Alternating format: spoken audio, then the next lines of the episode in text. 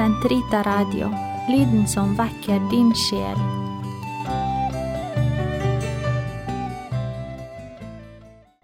Narsissisme i bønn og liturgi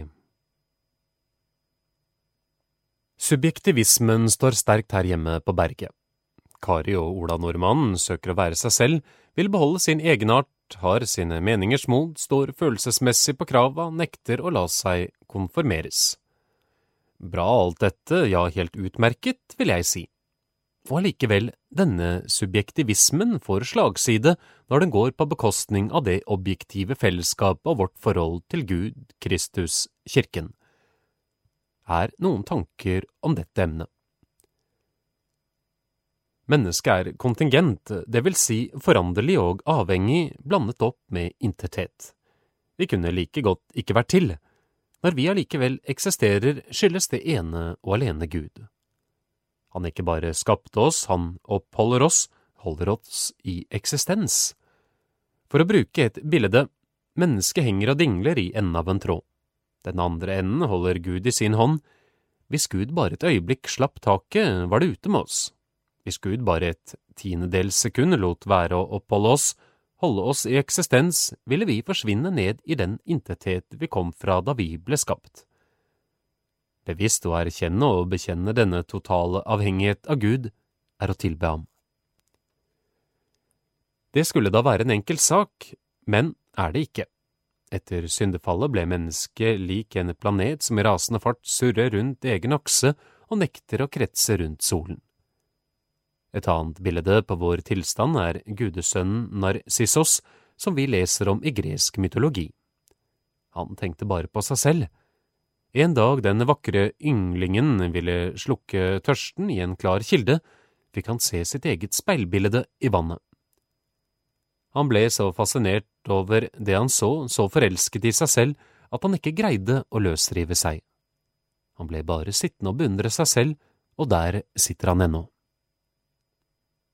Det er umulig for oss mennesker med egne krefter å flykte fra narsissismens selvdyrkelse.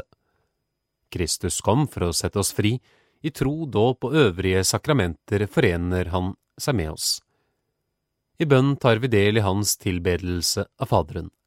Men frigjøringen fra selve og bevegelsen mot Gud tar tid, det er en livslang prosess.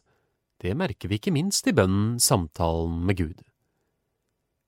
Vel skal vi subjektivt be om ting vi trenger, men vi skal også takke, ære, elske og tilbe Gud for det han er i seg selv. Den skjønneste form for bønn er den indre samtalen med ham. Narsissismen i den private bønn Bønnen har sine fallgruver. Narsissos stikker hodet opp også når vi ber, vi renser ikke våre motiver, vi blir lett selviske også under bønnen. Vi hører kristne si jeg har behov for å be, jeg føler meg så lykkelig når jeg ber, jeg må be, ellers får jeg ikke sove, og så videre.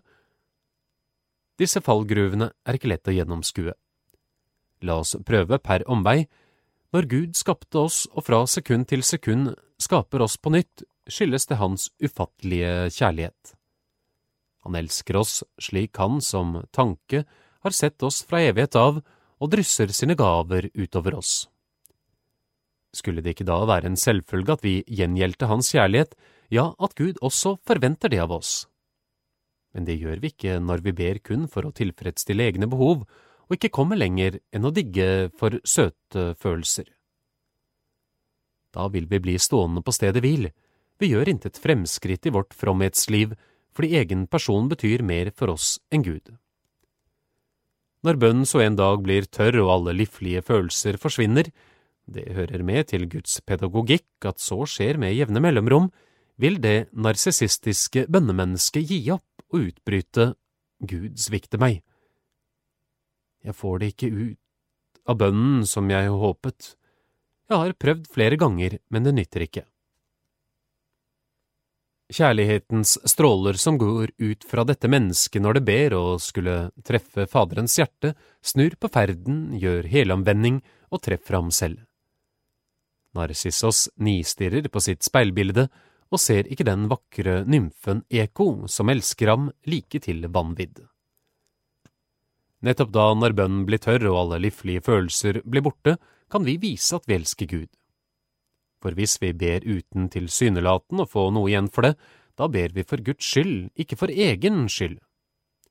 Da viser vi at vi elsker Gud og er dermed klar til å bestige neste trinn på himmelstigen. Vi kjenner helgener som i flere år i ett strekk opplevde bønnen som en eneste lang ørkenvandring. Gud satte deres kjærlighet på prøve, og de ble rikelig belønnet når ørkenvandringen tok slutt. For dem som vil fordype seg mer i dette emnet, vil jeg på det sterkeste anbefale boken Kom og vær mitt lys, som inneholder en rekke brev skrevet av mor Teresa. Kjærlighet er noe mer og dypere enn følelser. De er ustabile, kommer og går. Spør bare eldre ektefeller hva de mener, de som et langt liv har holdt sammen på de gode og onde dager. Narsissismen i liturgien Da englene åpenbarte seg for gjeterne over Betlehems marker julenatt, sang de Ære være Gud i det høyeste og fred på jorden for mennesker av god vilje. Dette er en kristen programerklæring. Først skal vi ære Gud, som et resultat av det får vi fred på jord. Først Gud, så menneske. I tråd med denne programerklæringen er vi kalt til å tjene Gud i messen, til å ta del i en gudstjeneste. Faren for narsissisme, for menneskedyrkelse i kirkerommet, har alltid vært til stede, men har økt siden det ble vanlig at presten står bak alteret og celebrerer messen vendt mot folket. Jeg som celebrerende prest, en mini-narsissist? Som prest har jeg så lett for å falle ut av den rollen Gud har gitt meg. Messen skal jo feire in persona Christi, i Kristi person i Hans navn som Hans redskap. Når jeg skrider inn i kirken på vei til alteret, er jeg iført liturgiske klær. Hvert plagg har sin egen symbolikk, de skal på en måte dekke over at jeg er en Per eller en Pål eller en Espen Askeladd. Nå skal så langt det er mulig mine personlige egenskaper glemmes, viskes ut i folks bevissthet. Nå er jeg rett og slett en prest og intet annet. Den nylig helgenkårede pater Pio greide å innta denne selvutslettende holdning til fulle, men ikke jeg som vanlig prest. Jeg har så lett for å bli en broderspring omkring, som under messen sjefer på alle bauger og kanter. For mange baller i luften på samme tid, organist og kor skal takkes, vips ut i sakristiet for å hente noe som var glemt, tilbake igjen, litt kjefting på ministrantene kan ikke skade. Synger ikke menigheten litt tregt? Jeg får gi dem litt drahjelp. Var det noen etter messen som påsto at jeg brølte? Jeg vil så gjerne være en likandes kar, en folkelig kjekkas, en dyktig organisator. Når jeg preker, bruker jeg altfor ofte det personlige pronomen jeg. Hvem husker ikke presteparodien til skuespiller Rolf Wesenlund? Da jeg var på vei til kirken i dag, møtte jeg Jeg glemmer så lett at menigheten er helt uinteressert i hva jeg har opplevd. De lengter bare etter i en preken å få høre hva Jesus har å fortelle.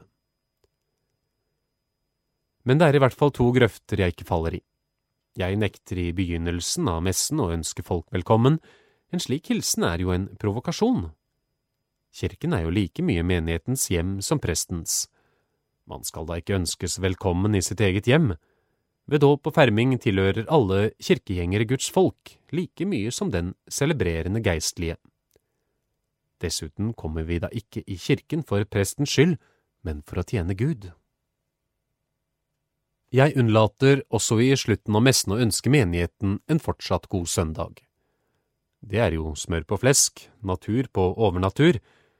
Det skulle da vel være nok med den liturgiske avskjedshilsen Messen er til ende, gå med fred. Vi kirkegjengere mini-narsissister? Det er vel ikke bare presten som faller for fristelsen til å opptre narsissistisk, noe smittet av jeg-syken er vi vel også som kirkegjengere. Liker jeg som medlem av kirkekoret å synge så høyt at min sonore stemme skiller seg tydelig ut fra de andres, forsømmer jeg konsekvent å gå i egen sognekirke hvor alt er så kjedelig og middelmådig, for isteden, når jeg er i hovedstaden, og glå i klosterkirken i gate X, hvor jeg får så uendelig mye mer ut av liturgi og forkynnelse enn der hjemme. Vi har jo alle våre estetiske og intellektuelle behov, har vi ikke? Tåler jeg ikke barn i kirken fordi de forstyrrer min andakt, nekter jeg konsekvent å ta på meg selv det minste oppdraget i kirken fordi det forstyrrer min indre samling. Blir jeg mektig opprørt under messen fordi presten bærer spor av snus i munnviken og gule eggstriper i skjegget, er min eneste hensikt med å gå i kirken og høre vakker sang og en god preken. Unnlater jeg å gi fredshilsenen til ham ved siden av meg fordi han stinker hvitløk? Nekter jeg å åpne sangboken under gudstjenesten fordi norske sanger er så nitriste? Lar jeg være å gå i kirken fordi det murrer litt i hodet, eller fordi jeg føler meg uopplagt etter krangel med kone, mann, barn? Forstå meg rett, det er ikke narsissisme å sette pris på det estetisk vakre og den velformulerte preken under messen. Det er heller ikke narsissisme å glede seg over å få være mest mulig uforstyrret under gudstjenesten. Narsissisme blir det først når vi prioriterer galt, først meg, og så deg, Gud. Under messen kan det ofte hende at vi må gi avkall på meg til fordel for deg og dere. Messen skal jo være et felles telegram til Gud. Hvis hver sysler med sine private kjepphester under messen, går det ut over fellesskapet. Legg merke til hvor sterkt Bibelen legger vekt på fellesskapet. Kirken er et folk, et legeme, et hjem, en familie. Vår individuelle bønn ber vi på lønnkammeret eller i kirken når ingen messe feires. Messen derimot er menighetens felles handling til Guds ære, og den enkelte kirkegjenger må ofre privat andakter for å gli harmonisk inn i dette fellesskapet og berike det. Ja, men da har jeg jo ikke noe personlig utbytte av messen. Det er en narsissistisk tankegang. Rent menneskelig, opplevelsesmessig sett, kan utbyttet synes mindre. Den nåden vi mottar, blir desto større, det som under messen skjer mellom vår åndelige sjel og den åndelige Gud, kan vi ikke registrere direkte med våre materielle sanser og nerver. Det måtte da være som til tider hender at Gud, eh, som en ekstra gave, lar det åndelige gli over på det kroppslige. Jo mer vi ofrer oss for fellesskapet for slik å tjene Gud, jo mer forener Kristus åndelig med vår ånd uten at vi direkte merker det. I ukens løp vil vi kanskje oppleve at vi har lettere for å gjøre Guds vilje og se Jesus i våre medmennesker. En mor som under messen uavbrutt må passe på sine barn, en organist som må konsentrere seg om instrument og noter, en ministrant som tjener presten ved alteret, flere eksempler kunne nevnes, får ikke færre nådegaver av Gud når de slik gir avkall på individuelle ro og samling. De mottar heller langt flere nådegaver fordi de gir avkall på seg selv og tjener fellesskapet og Gud. På stillferdig, nesten umerkelig vis sniker New Age-tanker seg inn i våre sinn. New Age er narsissisme med stor bokstav, den er som et svensk frokostbord med utallige retter. Forsyn deg med det du liker, et hurtigkurs i østlig meditasjon, et weekendkurs i zen-buddhisme, noen dager med opplæring i sjamanisme. Selvutviklingskurs er heller ikke å forakte, eller en spåkone med tarotkort som forteller hvilket fantastisk menneske jeg er, eller en rider som godt betalt beretter om mine tidligere liv, hvilke betydningsfulle personer jeg har vært, bare ikke en redelig søppelkjører. Jeg forsyner meg med det som passer meg, jeg snekrer sammen et livssyn som smigrer min person, hvor jeg alltid spiller hovedrollen. Jeg stirrer ned i det klare kildevann, ser mitt eget speilbilde og blir stormforelsket. Har også vi som kristne forsynt oss litt av frokostbordet til New Age av dens selvdyrkelse? Møter vi mye av denne overdrevne subjektivisme også hos ikke-katolske kristne, for oss som katolikker må prioriteringen være krystallklar.